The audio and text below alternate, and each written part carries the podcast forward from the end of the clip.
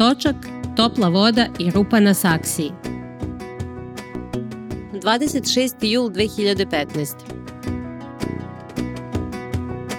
Kad sam bila na moru ove godine, saznala sam da u porodičnom stablu imam jednu sveticu. Od uvek sam se pitala od koga sam nasledila svetačke sklonosti i osobine. Nemoguće da me je ovo prosvetljenje tek tako usralo. Za ova moje baba tetke bila je Blažena Marija propetog Isusa Petković. Kad sam skoro čitala njen životopis, prosto nisam verovala koliko smo slične. Kao i mene i nju su roditelji, svesni njenih sklonosti, pokušali da drže podalje od duhovnog sveta ne bili je pridobili za udaju ali ona im se otrgla i provela život brinući o siromašnoj i napuštenoj deci, osnivajući prihvatilišta širom zemlje, da bi kasnije otišla u 12-godišnju misiju u Južnu Ameriku i osnovala družbu kćeri milosrđa koja deluje i danas. Kad se vratila u Evropu posle rata, nije htela u svoju žabokrečinu, nego je ostala do smrti u Rimu, gotovo kao ženski papa. Umrla je 1966. godine, a mnogo godina kasnije, 1988. desilo se čudo koje su joj prepisali.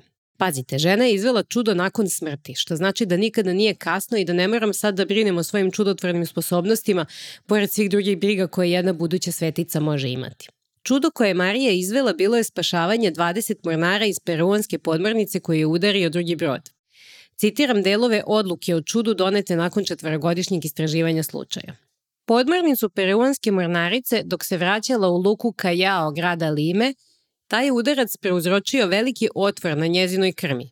Dok se podmornica strmoglavce potapljala, ostao je otvoren glavni zaklopac uvođenja zraka kroz koji je voda prodirala i počela poplavljivati sobe.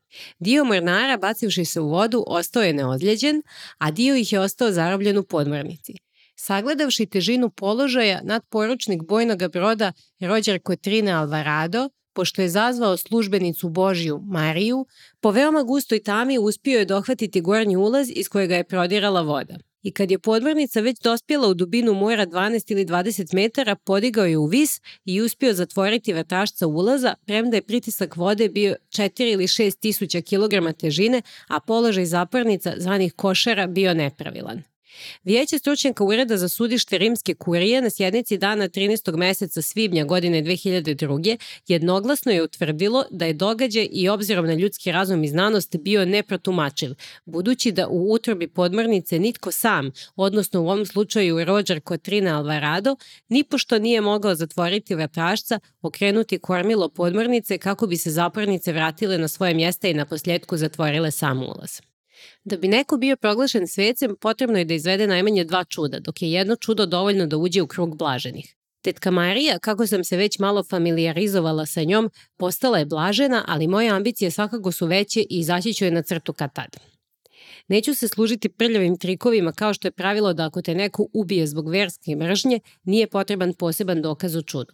To sa verskom mržnjom mogla bih da izvedem kad hoću, treba samo da ukrstim puteve sa nekim lutajućim teroristom. Ako želite da mi pomognete da postanem svetica, broj žiro računa šaljem na zahtev, a sve uplate idu u fond za čuda, uredno registrovan pod mojim imenom u nadležnom ministarstvu. Slušali ste odlomak iz knjige Točak, topla voda i rupa na saksiji Nevene Paunović.